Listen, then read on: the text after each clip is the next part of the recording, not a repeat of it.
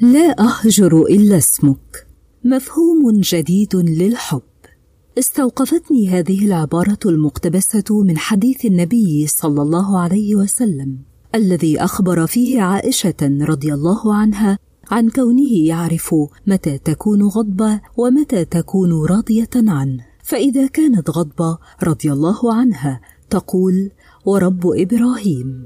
بينما إذا كانت راضية تقول رب محمد فأجابته بكل حب ورقة أجل والله ما أهجر إلا اسمك يا رسول الله. قلت في نفسي ما أحوجنا إلى حب لا يتعدى الهجر فيه للاسم إلى أشياء أكبر في المعنى والسلوك. حب الوعي والإدراك حب التوازن بين العقل والعاطفة. ذلك الحب الذي يضفي على مشاعرنا وأفكارنا الكثير من الإطمئنان والسلام النفسي حيث نغار فيه نغضب نحزن وننكسر لكن بدون تغييب وعينا الكامل والاستسلام لعواطفنا الهوجاء التي غالبا ما تكون خدعة مضخمة للأمور وهذا أحد أدوارها في الحقيقة. حب لا يهجر الطرف المنكسر فيه سوى اسم حبيبه.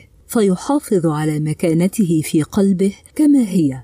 وإن ألمت بهما مشاكل قد تجيء أحيانا تمحيصا للقلوب وللمشاعر المكونة لها. ومدى درجة صدق وثبات ذلك الحب في كلا القلبين.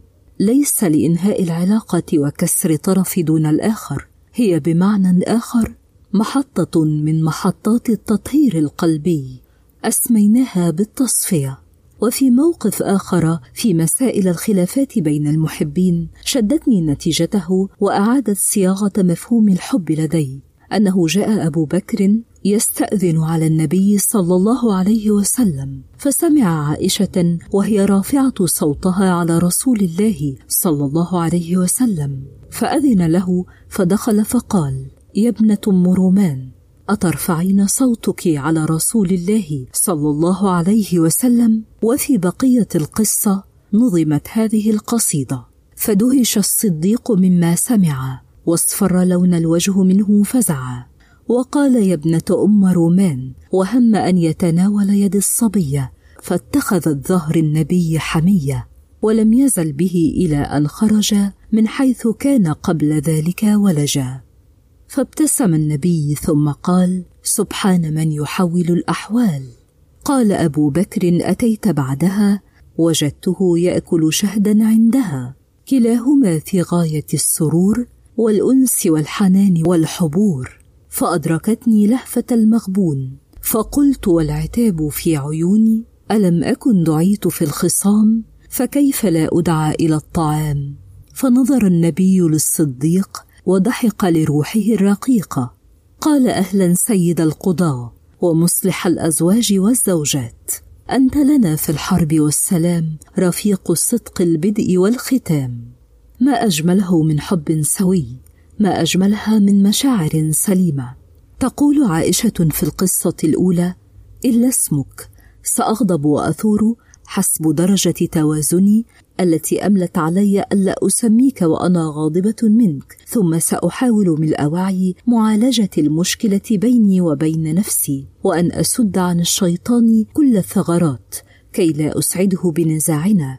أدرك جيدا بأن الانسياق وراء الأفكار والمشاعر السلبية منه يفرح لتعاستنا وينشرح قلبه بكامل حقده وكرهه. حينما تتحقق سياسته المتبناه منذ أن خلق الله الأرض ومن عليها سياسة فرق تسد. هو نوع آخر من الإدراك لماهية الإنسان وأسباب خلقه. سأراجع مفهومي الخاص بالأنوثة وسيماتها فأتذكر الرقه والحياء فأعود أدراج تفكيري في كل ما راود عقلي. وأنا في لحظة غضب منك فأعفو وأصفح الصفح الجميل. لا ضعفا مني بل مودة ورحمة. نحن بحاجة إلى حب تغلب فيه كفة الرحمة على جميع كفات مصادر الحب الأخرى. ما حاجة المرء إلى قصائد حب وأشعار حينما يكون التفهم في غيبوبة كاملة؟ ماذا سيستفيد الحبيبان من حضور كل مشاعر الحب والتي غالبا ما تنبع من رغبة كامنة في التملك لا في الحب بالمفهوم الواسع جدا؟ لكنهما يقصيان على بعضهما أشد القسوة لأسباب تعود لهما. ما نفع المرء حقا من حياة بلا رحمة. أن نرى بعضنا البعض بعين الرحمة.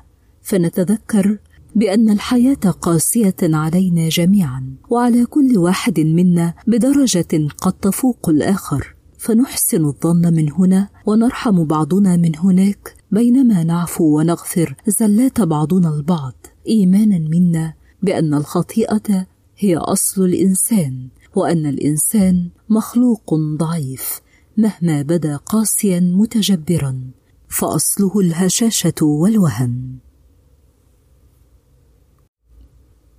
لا أهجر إلا اسمك. مفهوم جديد للحب.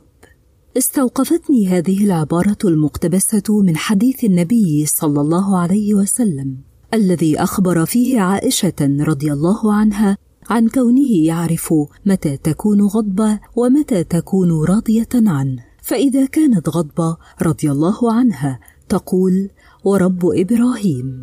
بينما إذا كانت راضية تقول رب محمد. فأجابته بكل حب ورقة أجل والله ما أهجر إلا اسمك يا رسول الله. قلت في نفسي ما أحوجنا إلى حب لا يتعدى الهجر فيه للإسم إلى أشياء أكبر في المعنى والسلوك. حب الوعي والإدراك حب التوازن بين العقل والعاطفة. ذلك الحب الذي يضفي على مشاعرنا وأفكارنا الكثير من الإطمئنان والسلام النفسي. حيث نغار فيه نغضب نحزن وننكسر لكن بدون تغييب وعينا الكامل والاستسلام لعواطفنا الهوجاء التي غالبا ما تكون خدعة مضخمة للأمور وهذا أحد أدوارها في الحقيقة. حب لا يهجر الطرف المنكسر فيه سوى اسم حبيبه فيحافظ على مكانته في قلبه كما هي. وإن ألمت بهما مشاكل قد تجيء أحيانا تمحيصا للقلوب وللمشاعر المكونة لها ومدى درجة صدق وثبات ذلك الحب في كلا القلبين. ليس لإنهاء العلاقة وكسر طرف دون الآخر هي بمعنى آخر محطة من محطات التطهير القلبي أسميناها بالتصفية. وفي موقف آخر في مسائل الخلافات بين المحبين شدتني نتيجته وأعادت صياغة مفهوم الحب لدي. أنه جاء أبو بكر يستأذن على النبي صلى الله عليه وسلم فسمع عائشة وهي رافعة صوتها على رسول الله صلى الله عليه وسلم فأذن له فدخل فقال يا ابنة أم رومان أترفعين صوتك على رسول الله صلى الله عليه وسلم؟ وفي بقية القصة نظمت هذه القصيدة. فدهش الصديق مما سمع. واصفر لون الوجه منه فزعا. وقال يا ابنة أم رومان وهم أن يتناول يد الصبية فاتخذت ظهر النبي حمية ولم يزل به إلى أن خرج من حيث كان قبل ذلك ولجا. فابتسم النبي ثم قال سبحان من يحول الأحوال. قال أبو بكر أتيت بعدها؟ وجدته يأكل شهدا عندها. كلاهما في غاية السرور والأنس والحنان والحبور فأدركتني لهفة المغبون فقلت والعتاب في عيوني ألم أكن دعيت في الخصام؟ فكيف لا أدعى إلى الطعام؟ فنظر النبي للصديق وضحك لروحه الرقيقه قال أهلا سيد القضاه ومصلح الأزواج والزوجات. أنت لنا في الحرب والسلام رفيق الصدق البدء والختام. ما أجمله من حب سوي ما أجملها من مشاعر سليمة. تقول عائشة في القصة الأولى إلا اسمك سأغضب وأثور حسب درجة توازني التي أملت علي ألا أسميك وأنا غاضبة منك ثم سأحاول ملء وعي معالجة المشكلة بيني وبين نفسي وأن أسد عن الشيطان كل الثغرات كي لا أسعده بنزاعنا. أدرك جيدا بأن الانسياق وراء الأفكار والمشاعر السلبية منه يفرح لتعاستنا وينشرح قلبه بكامل حقده وكرهه. حينما تتحقق سياسته المتبناه منذ أن خلق الله الأرض ومن عليها سياسة فرق تسد. هو نوع آخر من الإدراك لماهية الإنسان وأسباب خلقه.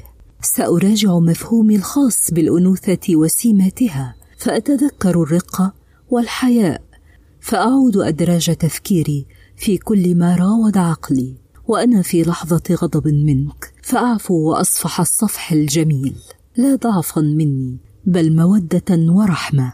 نحن بحاجة إلى حب تغلب فيه كفة الرحمة على جميع كفات مصادر الحب الأخرى. ما حاجة المرء إلى قصائد حب وأشعار حينما يكون التفهم في غيبوبة كاملة؟ ماذا سيستفيد الحبيبان من حضور كل مشاعر الحب والتي غالبا ما تنبع من رغبة كامنة في التملك لا في الحب بالمفهوم الواسع جدا؟ لكنهما يقصيان على بعضهما أشد القسوة لأسباب تعود لهما. ما نفع المرء حقا من حياة بلا رحمة؟ أن نرى بعضنا البعض بعين الرحمة. فنتذكر بأن الحياة قاسية علينا جميعا وعلى كل واحد منا بدرجة قد تفوق الآخر. فنحسن الظن من هنا ونرحم بعضنا من هناك بينما نعفو ونغفر زلات بعضنا البعض. ايمانا منا بأن الخطيئة هي أصل الإنسان وأن الإنسان مخلوق ضعيف مهما بدا قاسيا متجبرا. فأصله الهشاشة والوهن.